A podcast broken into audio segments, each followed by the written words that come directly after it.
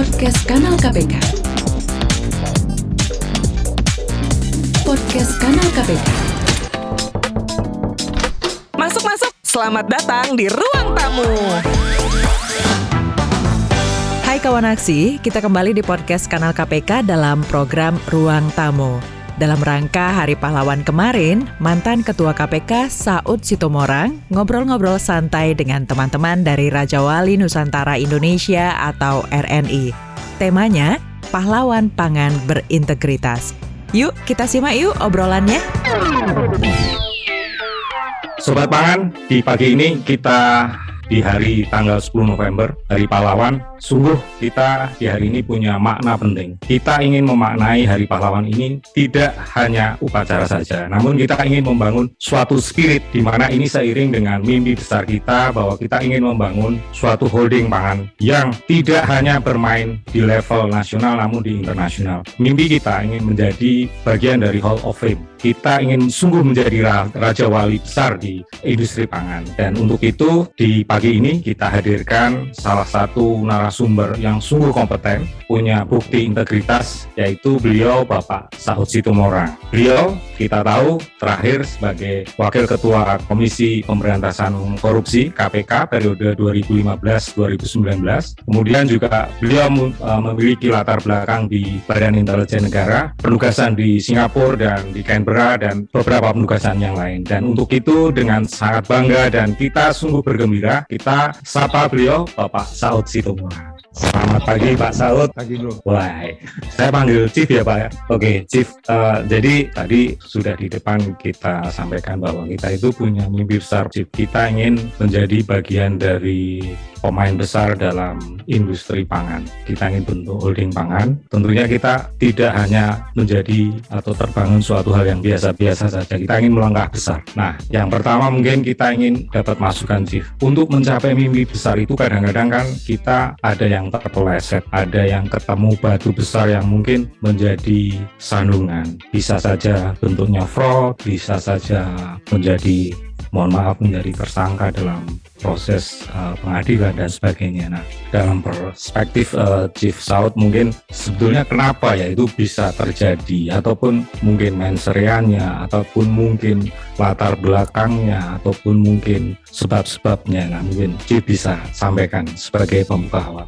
Silakan. Ketika kita bicara kepahlawanan, kita kita bicara bahwa ada tiga hal yang dia tidak pernah takut, kita akan siap untuk bersaing. Keadilan, kebenaran, dan kejujuran. Untuk ini memang nggak gampang. Saya bisa paham bahwa empat tahun itu saya mengamati ada orang-orang baik yang datang ke company, kemudian diusik oleh orang-orang luar. Ini yang harus dijaga oleh KPK sebenarnya. Saya sebagai senior nih, yeah, sebagai yeah. senior bisa menegur mereka. Itu Reni keren, lu kalau nggak jaga awas lo, gue unjuk rasa lo kan gitu, oh. ya kan? Yeah, yeah. Jadi artinya mimpi-mimpi besar yang kemudian ada apa di balik holding ini kan sebenarnya mimpi besar untuk menjadikan Indonesia yang lebih baik, Indonesia Betul. yang lebih sejahtera, Indonesia yang lebih aman. Itu kita kalau kita bicara Pancasilanya. Yeah. Jadi jangan ada keraguan. Kalau memang ada mimpi besar dan kemudian sudah dimulai yang saya katakan di di website itu ada pengawas internal, itu kan bicara detail-detail. Hmm. Detail-detail itu di antaranya apa? Detail-detail itu adalah jangan pernah umpamanya main golf sendirian. Kalau hmm. bos suruh pergi main golf, jangan sendirian oh berlima Pak Saud? Iya berlima tapi flightnya pisah-pisah. Sama juga gitu loh ya kan? Sama juga. flightnya harus ini si Ani ngomong apa nih?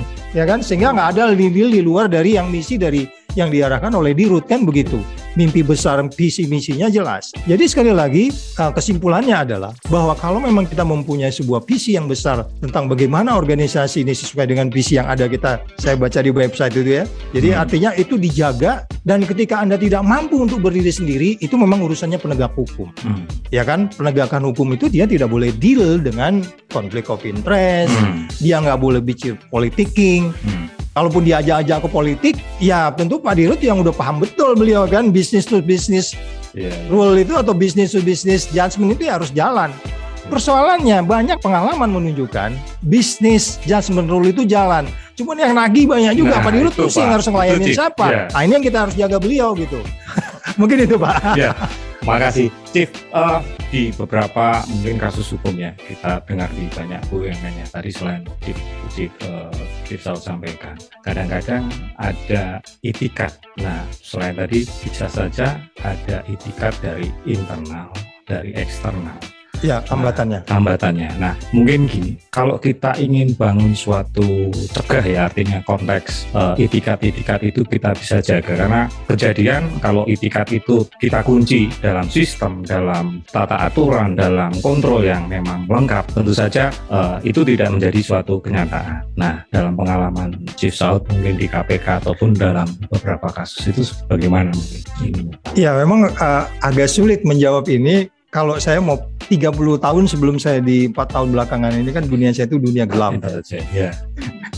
dunia gelap keliling-keliling dunia ke dunia gelap ada walaupun di waktu itu saya di Australia tapi saya masih jalan sampai ke Fiji Vanuatu uh, New Zealand Iya. uh, negara yang kayaknya damai banget gitu ya negara itu tapi cuman jualin daging sapi aja ke mana-mana gitu ya tapi kok bisa kayak gitu jual susu gitu tapi bisa damai saya bisa menyimpulkan bahwa sebenarnya apa yang terjadi di organisasi kita ketika dia menjadi sebuah organisasi yang dipegang oleh sebuah value yang kuat Hmm. which is di root meng-create sebuah value ternyata itu juga pengalaman menunjukkan tidak cukup Hmm. faktor eksternal ini yang susah karena eksternal ini nggak bisa dikendalikan oleh kita. Nah oke mungkin ada di atas Pak Dirut ada lagi di atasnya lagi ada lagi gitu yang bisa kemudian untuk menjaga supaya kemudian bisnis bisnis itu jalan bisnis jasa menurutnya jalan. Tapi ketika kemudian itu tidak bisa diupayakan untuk tetap fight di jalan itu gitu ya. Itu makanya di KPK itu kan selalu ada yang namanya pencegahan Hmm. ya kan. Pak Dirut pernah kita ketemu ya Pak ya waktu itu ya waktu beliau di perusahaan sebelumnya Jadi penting pencegahannya juga ya. itu yang paling penting sebenarnya. Hmm. Jadi cuman sering terjadi uh, kegiatan-kegiatan begitu ya karena uh, alignment pencegahan dan penindakan itu selalu ada. Ketika kita masuk di pintu pencegahan itu sering terjadi mas kadang-kadang seminggu kurang tuh OTT di tempat yang saya hadir itu gitu. Oh. Iya, ada sebulan atau tiga bulan kemudian. Makanya itu selalu yang OTT OTT kalau lihat di media itu fotonya ada dengan saya. Ada pak. Oh jadi Pak Saud ini mengkhianati kita. Saya nggak tahu kan di oleh pasukan disuruh datangin bapak supaya bayar bapak baik-baik. Tapi kemudian ketika sudah full toit, Hmm. artinya peristiwa pidananya sudah ada, ya kita nggak bisa apa-apa lagi dong. Hmm. Iya kan? Hmm. Peristiwa pidana itu kan begitu. Kalau terjadi, udah terjadi kita nggak bisa apa-apa. Nah oleh sebab itu, saya katakan kembali lagi, pengalaman saya menunjukkan BUMN kita ini masih menjadi seperti sekarang ini karena pastor di luar kendali BUMN itu yang lebih banyak dan itu kewajiban badan-badan anti korupsi untuk menjaga orang-orang baik. Selalu saya ke mana saya bilang begitu. Hmm. Iya dong. Kita ini kan semua lulusan perguruan tinggi, enak aja. Belajar juga kita teori bagaimana governance, bagaimana risk, Yes. bagaimana compliance gitu kan. Ya. Bahkan itu kita sebut setiap hari-hari. Itu yang saya bilang bila perlu nanti eh, etik itu dibuat oleh Reni dibuat buku etiknya kecil kayak di KPK buku etik dibuat kecil, kantongin ke mana-mana gitu kan. Itu sampai detail gitu, ya kan? Saya harus cerita ini sedikit boleh pada Boleh, ya. silakan, silakan. Jadi di suatu saat kami lihat di CCTV. Di CCTV itu ada satu tangan milenial, tangan kiri megang tumbler, tangan kanan megang komputer. Kemudian dia mencet lip pakai kaki begini. Nah. Itu perkara di KPK. Kita potong gajinya, ya kan? Kemudian ada orang lagi ngambil helm temannya, ngambil helm temennya, dia bawa ke rumah. Dia lupa bawa balik. Yang punya helm bingung kan? Kita lihat di CCTV, potong gajinya, nggak ada. Detail-detail seperti itu. Jadi kita minta milenial kita ini juga di era ini jangan terlalu linear mikir. Dia harus kompleks. Ada banyak variabel yang dia harus hafal. Ada banyak variabel dia harus patuhi. Coba dibaca etik itu. Etik itu kan di situ detail pak. Perilaku terhadap teman. Yang itu tadi perilaku teman bener nggak yang helm tadi Iya. itu? Hormat nggak itu? Sopan nggak itu? Kalau dilihat kebayang ini mencet lip pakai kaki gitu. Apa pun alasannya. Jadi kalau kita katakan kembali lagi yang namanya integrity itu dia tidak boleh bernegosiasi. Pak Dir itu sudah katakan itu zero toleran. Kalau itu sudah terjadi, Walmart kalah dong sama kita. Walmart kalah dong. Yang membedakan kita dengan Singapura apa? Saya tiga setengah tahun hidup di sana. Yang membedakan itu cuma disiplinnya. Tapi apa ada suatu saat orang buang sampah sembarangan? Jangankan sampah, kulit durian aja pernah jatuh dari apartemen, dibuang juga. Itu kan koinsiden atau terjadi sesuatu nggak setiap saat kayak begitu gitu loh. Ada aja sih orang yang kayak begitu. Jadi seperti pohon umpamanya. Pohon itu kalau berbuah, Anda boleh ambil kalau dia jatuh sendiri. Tapi ketika Anda lewat, ada buah enak nih, gue goyang-goyang nih supaya jatuh. Nah itu pidana tuh bisa. Dihukum itu di sana. Jadi detail seperti itu. Nah kalau Pak Dirut nanti sudah masuk ke detail-detail itu dan pengawas internal bekerja, saya hari ini karena uh, bebas tidak di KPK lagi boleh. Tapi saya harus sebenarnya datang itu pakai batik lengan panjang gitu. Hmm. Bukan karena tatonya nggak supaya nggak kelihatan, nggak itu urusan lain. Itu urusan lain ini. Ini juga dibuat kan waktu tugas di Vanuatu supaya kelihatan kayak preman Preman. juga gitu ya. Jadi maksud saya ketentuannya memang batik harus lengan panjang dipakai itu. Ketika tidak dengan batik dengan lengan panjang ditegur tertulis. Saya dengan Pak Agus ditugur Pak, tertulis oleh pengawas internal. Konferensi pers tanggal sangat otentik, Anda konferensi pers pakai batik langgar medek. Itu udah boleh, itu melanggar etika. Itu sampai detail Pak. Kalau itu Pak Dirut sudah lakukan, waduh ini keren milenial kita. Keren, keren. Dan kita percaya. Kita percaya ketika kita pensiun, ya kan? Ketika pakai pensiun, kita meninggalkan warisan itu. Dan itu yang paling penting, detail-detail itu saya pikir Pak. Ya. Dan mungkin tadi Pak, tanpa harus melihat nilai uang. Tiap pelanggaran bentuknya apa pun tanpa melihat uangnya. Mungkin itu ya perlu. Dan pintu masuknya nanti ke yang lebih besar. Oke. Okay. Jadi jangan lihat sebuah nilai dari sisi itu yang saya bilang ada ribuan variabel yang anak-anak itu harus tahu. Adiru nanti bisa panggil konsultan, ada beribu berapa ribu resiko sebenarnya di RNI ini. Hmm. Waktu kami di KPK waktu itu kita panggil konsultan ada lebih 30 ribu resiko.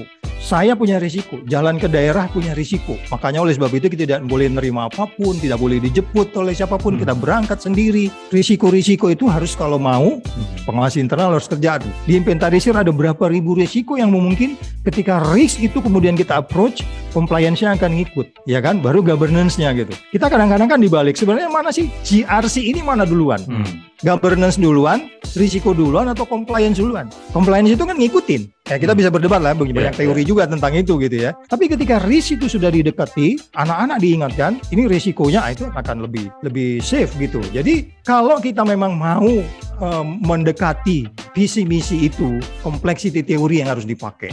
Saya di UI ngajar teori intelijen itu cuma teori ini yang saya kasihkan sama anak-anak. Tornado yang terjadi di California itu hanya karena ada kupu-kupu yang mengampak di Meksiko.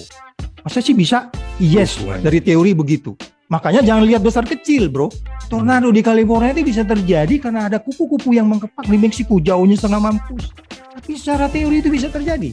Apa yang kita simpulkan dari teori itu adalah bahwa hal-hal besar itu bisa terjadi luar biasa celaka besar itu hanya karena memang hal-hal kecil. Twin Tower di Amerika itu FBI sudah diingatin oleh CIA pelajarin tuh anak-anak yang sedang belajar terbang itu. Oh itu orang-orang kaya dari Timur Tengah, dia spending money in our country, no nothing to do with bla bla bla gitu kan. Dia nggak aware. Nah, berarti sebagai pengawas internal, nah ini harus melihat itu sampai sedetail ngangkat kaki di lift tadi itu. Siapa itu? Tegur, nggak boleh. Waduh capek ya kerja di Reni. Mungkin kita mau jadi orang besar atau kita mau jadi ordinary people. It's up to you. Make a choice. Empret lagi. Wah jadi empret. Mau jadi Garuda atau mau jadi empret. Itu pilihan kita. Jadi dalam bayangan saya, itu yang makanya saya katakan harus selalu berpikir jangan dari sisi nilainya. Oke, ketika orang nikah, KPK setuju kalau sejuta menteri datang anak saya nikah kasih sejuta boleh Nah itu ada ikatan moral di situ. Pak Saud ngasihnya 100 juta, nggak bisa. Kursnya waktu itu 13 ribu, kembaliin ke negara. Kan kayak begitu. Jadi harus detail. Harus detail itu. Dan dan kita lakukan itu bisa kita happy semua. Gitu kira-kira Pak. Bro Edi. Siap siap siap. Chief dan untuk internalisasinya artinya prinsip nilai-nilai seperti itu kan tidak semua organisasi dengan mudah akan menerima. Mungkin punya pengalaman bagaimana kita membangun supaya prinsip-prinsip itu bisa terinternalisasi. Jadi dilaksanakan dengan ukuran waktu yang tepat dan mungkin bisa benar-benar diterapkan Nah, ini saya jadi kayak saya empat tahun di KPK itu hampir seperempat waktu saya itu ngedongeng di depan PAUD. PAUD Pak Dirut, bayangin PAUD ngajar nyanyi, ngajar supaya mereka yeah. membangun integriti gitu. Yang saya bawa ke sana itu hanya sembilan nilai. Di KPK itu ada sembilan nilai. Sembilan nilai itu itu yang kita tulis sebagai yang pertama itu jujur. Jujur. Peduli, mandiri, tanggung sejawab, sederhana, berani, adil dan seterusnya ada sembilan nilai nanti coba di di sembilan nilai itu Pak Saud ini amanahnya BUMN gimana? Masukin lagi itu boleh lah jadi kamu jadi 10 nilai gitu ya kan? Ya kan? Jadi eh, tapi sembilan nilai itu adalah yang sangat standar nilai itu kita anggap. Sebenarnya kalau kita pakai kata yang paling atas ada jujur ya kan? Harus peduli berani tanggung jawab berani sederhana dan seterusnya gitu. Kenapa ada kata sederhana di sana? Karena kita bicara Pancasila. Itu sembilan nilai itu adalah hasil kajian kita waktu itu. Kumpul dua tiga minggu merenung. Nah kalau teman-teman di area ini pingin lagi menggali nilai itu di subnya lagi boleh juga gitu ya. Value apa lagi yang mau bikin di create. Tetapi nilai-nilai sembilan nilai tadi itu kalau itu dipegang, kalau itu dimiliki oleh semua kita di sini, ya saya pikir dan itu jangan jangan jangan dianggap ya jujur tapi bohong dikit boleh lah ya kagak. kan tadi Pak Dirut sudah bilang zero toleran, oh integrity. Nah, kepepet. ya boleh kalau suatu saat itu di mana-mana ada aja yang namanya exception to the rule. Tapi dilihat umpamanya dia terlambat ya kan? Terlambat eh, kemudian karena sesuatu terjadi di kereta dan seterusnya. Jadi sekali lagi nilai yang ada di di organisasi dijaga itu tapi kemudian itu kalau bisa dijabarkan lebih detail-detail lagi. Kalau memang kita mau itu tidak hanya sebuah simbol. Nah kan makanya waktu itu ada pimpinan KPK yang kita anggap segala macam itu waktu itu. Nah itu kita anggap dia nggak pola hidup sederhana it's not real. You actually not di, di barisan saya lah kamu tuh sebenarnya. Barisan kita tuh orang-orang sederhana kok. Lu kok gitu? Orang gua dibayar? Nggak nggak bisa. Ini udah jelas ini value kita. Baru kemudian ikutan barisan kita ikut. Dari strategi itu ke bawah kan gitu ya. Kan dalam teori audit itu kan ada yang disebut sebagai tune at the top. Iya. kalau tune di atas di bawah ngikut. Ya di bawah tinggal nyabetinnya gampang gitu kan. Tapi kalau di atas kunci C di bawah kunci D. Yang kelihatan kan suaranya paling eh kamu cuma di tune up lagi tuh kan gitu nah jadi sekali lagi tune at the top itu kita kita nggak dari nggak ada nggak ada keraguan tentang itu kecuali kalau ada keraguan tentang itu ya kita harus tune at the topnya harus kita benar dulu baru sampai nanti ke bawah mungkin gitu kuncinya leader sebagai role model seperti Yes, itu. sudah sudah sangat umum ya. Iya. Waktu itu di Indonesia enggak di Amerika juga gitu. Makanya ketika Trump ngaco semuanya ngaco, rakyatnya juga rame-rame ke istana. Sama aja gitu. Tidak hanya di Iya kan? Enggak pernah ada istana diserbu kayak begitu. Karena tune at the top-nya kayak begitu, ngawur semua gitu. Prinsip-prinsip bisnis dibawa ke politik gitu kan. Jadi susah. Gitu, Pak Eko. Siap. Chief, eh, di RMI maupun nanti eh, di apa perusahaan yang akan bergabung dalam holding pangan ini kan kita banyak eh, rekan-rekan milenial nih kelompok. Value-nya belum tentu sama loh itu. Nah ini penting karena Iya. mereka tumbuh di dunia yang berbeda, punya prinsip-prinsip yang mungkin berbeda. Iya. Nah ini gimana terkait dengan kita tadi terkait internalisasi integritas nilai-nilai budaya maupun pengembangan dalam konteks regenerasi mereka kan juga calon pemimpin di perusahaan ini Yes, di masa depannya. Ya, Ya. betul. Karena Hmm. organisasi yang paling kalau saya bilang sih kalau bicara ke sustainability kalau kalau kita berbicara MDGs, SDGs segala Nah, itu ya, iya, ya kan? iya, Itu kan sebenarnya keberlanjutan regenerasi, iya. ya. jadi Ya. pentingnya itu sebetulnya kapan kita artinya gini apa saja yang memang perlu kita bekali kemudian perlu kita bangun supaya mereka itu juga eh, eh, apa ketika mereka tumbuh itu kita ukur dengan baik artinya apakah itu perlu di dalam katakanlah eh, balance scorecard Ya. kita atau dasar-dasar. detailnya Ya. itu atau seperti apa?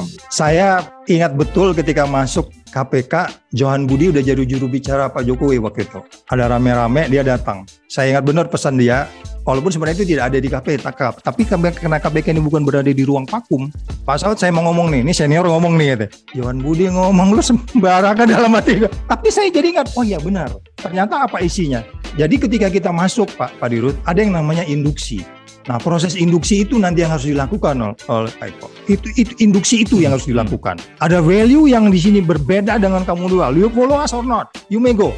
Ya kan gitu kan? Value itu yang harus diwariskan. Makanya value kita diinduksi waktu itu lebih dari seminggu sampai cara berpakaian. Diinduksi cara berpakaian, cara jalan, cara bicara, sepatu bila perlu tidak kalau kalau acara resmi mu sepatunya mesti pakai tali ada filosofinya itu kalau menurut mamanya siapa tuh Eh, Menteri Pariwisata sekarang Oh. Sandiaga Uno kan maminya itu ngaturin Min, Ibu Min. Itu kita Ibu minta Min. ngaturin kita supaya performa kayak gimana. Iya, sampai kayak gitu loh.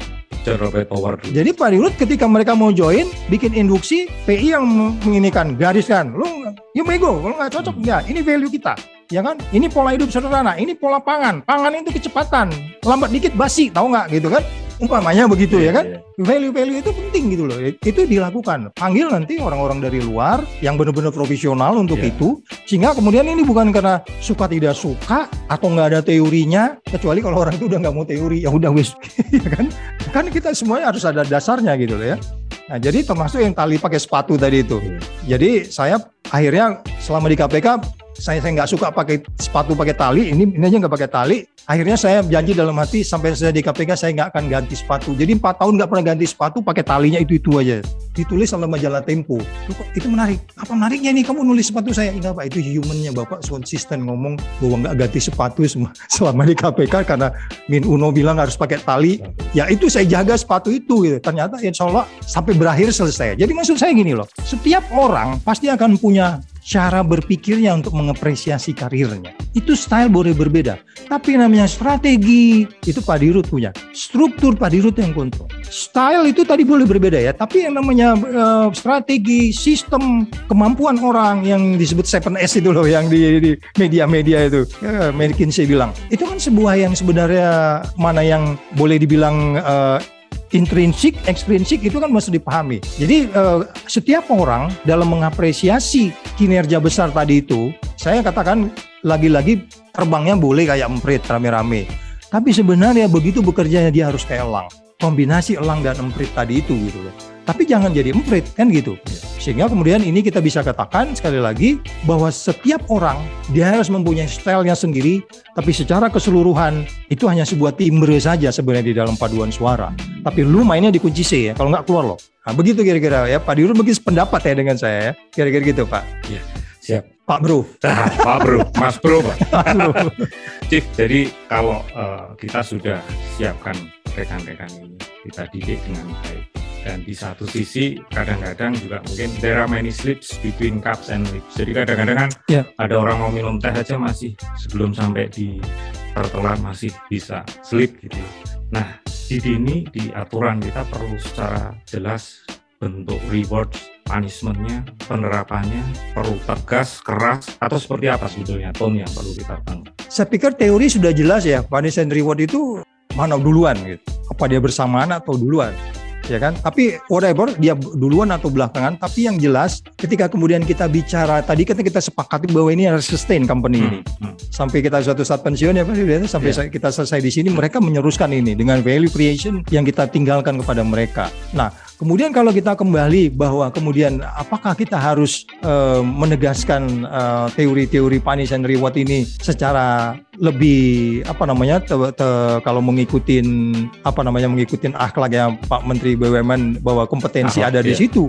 Yang yang penting memang kompetensi. Kalau dalam bahasanya ombudsman itu kan kalau orang nggak kompeten itu malamistrasi katanya. Orang nggak kompeten itu malamistrasi. Nah sekali lagi untuk kompeten nanti ada training, ada pendidikan, ada jenjang karir ada model-model uh, apanya persaingan yang sehat. Jadi ada satu tradisi baik ketika yang organisasi saya tinggalkan di KPK itu ada orang yang sebenarnya dia itu sastra, sastra bahasa, sejarah, tapi dia ingin menjadi penyidik. Dia pertama itu hanya nyanyi-nyanyi aja gitu. Kayak saya kerjaannya hmm, hmm. ikut mobil obi fan itu jelasin, oh ini loh yang baik itu begini, kasih film kartun, membangun ini gitu. Tapi pingin dia jadi penyidik. Kita lakukan tes, tes yang sangat basic, yang basic pasti tentu EQ segala macam. Hmm. Dan baru kemudian di atas itu semuanya. Walaupun EQ-nya 140 kalau integritinya 0 zero coret. Kita pernah satu saat kedatangan orang EQ-nya 140 oh ini keren nih join nih. Dari 30 ribu kita hanya ambil uh, ya 30 orang lah. Dari 30 ribu itu selalu Indonesia memanggil itu begitu ya. Diambil paling 30 karena setiap angkatan sedikit gitu. Nah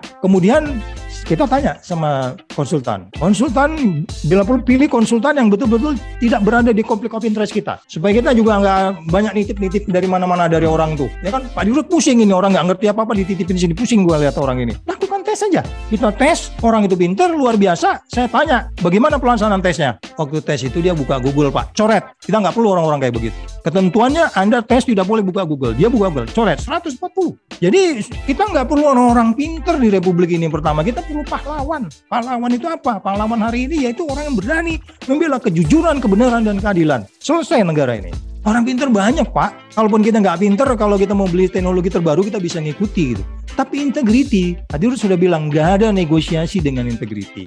Kalau itu sudah dilakukan, ya kita bisa nyaingin company-company besar yang kita sebut-sebut tadi itu, ya kan? Apa pun company-nya gitu, apa pun bisnisnya, di mana pun mereka selesai nanti bekerjanya. Sama dengan Bro Eko ini kan tadinya company sebelumnya tadi yeah. udah saya tahu di mana. Yeah. Kenapa bisa join di sini, ya? Apa ini hasil dari KKN nih? Kan enggak kan? Yeah someone promote you, right?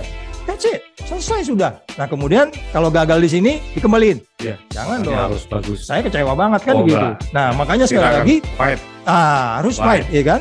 Dan perjalanan karir kita ke belakang itu kan integrity itu kalau kita bikin grafik antara integrity ketinggian integrity dengan waktu dia harus naik. Bukan begini. Hmm. Jadi dia makin tua itu harus makin berintegriti.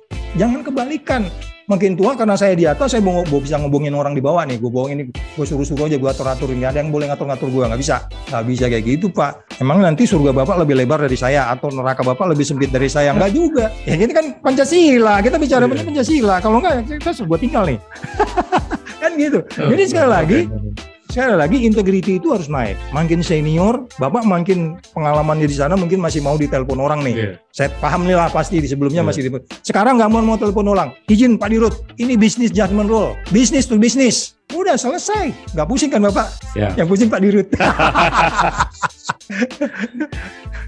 Jadi sekali lagi menjabarkan konflik of interest untuk kemudian kita tidak masuk di dalam katakanlah pelanggaran etik yang lebih Hmm. Lebih masif atau lebih ini di organisasi kita gitu. Yang paling sulit memang di politik kita nggak tahu kan Hmm. sekarang ini etik yang kayak gimana. Makanya KPK selalu menjaga eh, bagaimana partai politik ini tetap berintegritas dengan dana partai politik. Itu itu udah kajian lain lagi gitu. Tapi ketika itu kemudian menjadi noisy, kemudian organisasi menjadi terganggu, ya kita harus kembali lagi saya bilang Anda mau sacrifice, mungkin Pak Dirut bisa jadi ngomong satu saat, lu mau sacrifice ikut di barisan gua, kalau nggak lu keluar. Masih banyak orang juga yang mau sacrifice, Hmm. walaupun EQ-nya biasa-biasa, EQ tinggi nggak sacrifice, maunya nuntut aja. Itu kita nggak perlu orang-orang kayak begitu. Ya udah ada 3000 orang lamar, 30 ribu kita rekrut 3000 orang, cuman masuknya 30, 30 aja. Jadi sekali lagi kembali lagi negeri ini harus dibangun kalau kita mau sustain, transparan, jauh dari konflik of interest, itu sebenarnya selesai. Kata itu yang sebenarnya tidak bisa kita selesaikan. Itu Pak.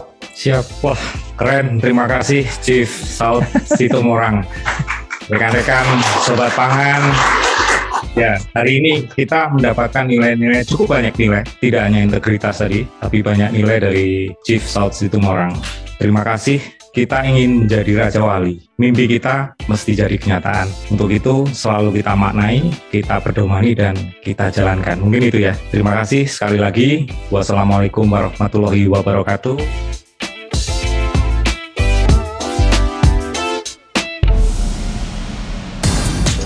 Podcast Kanal KPK. Podcast Kanal KPK.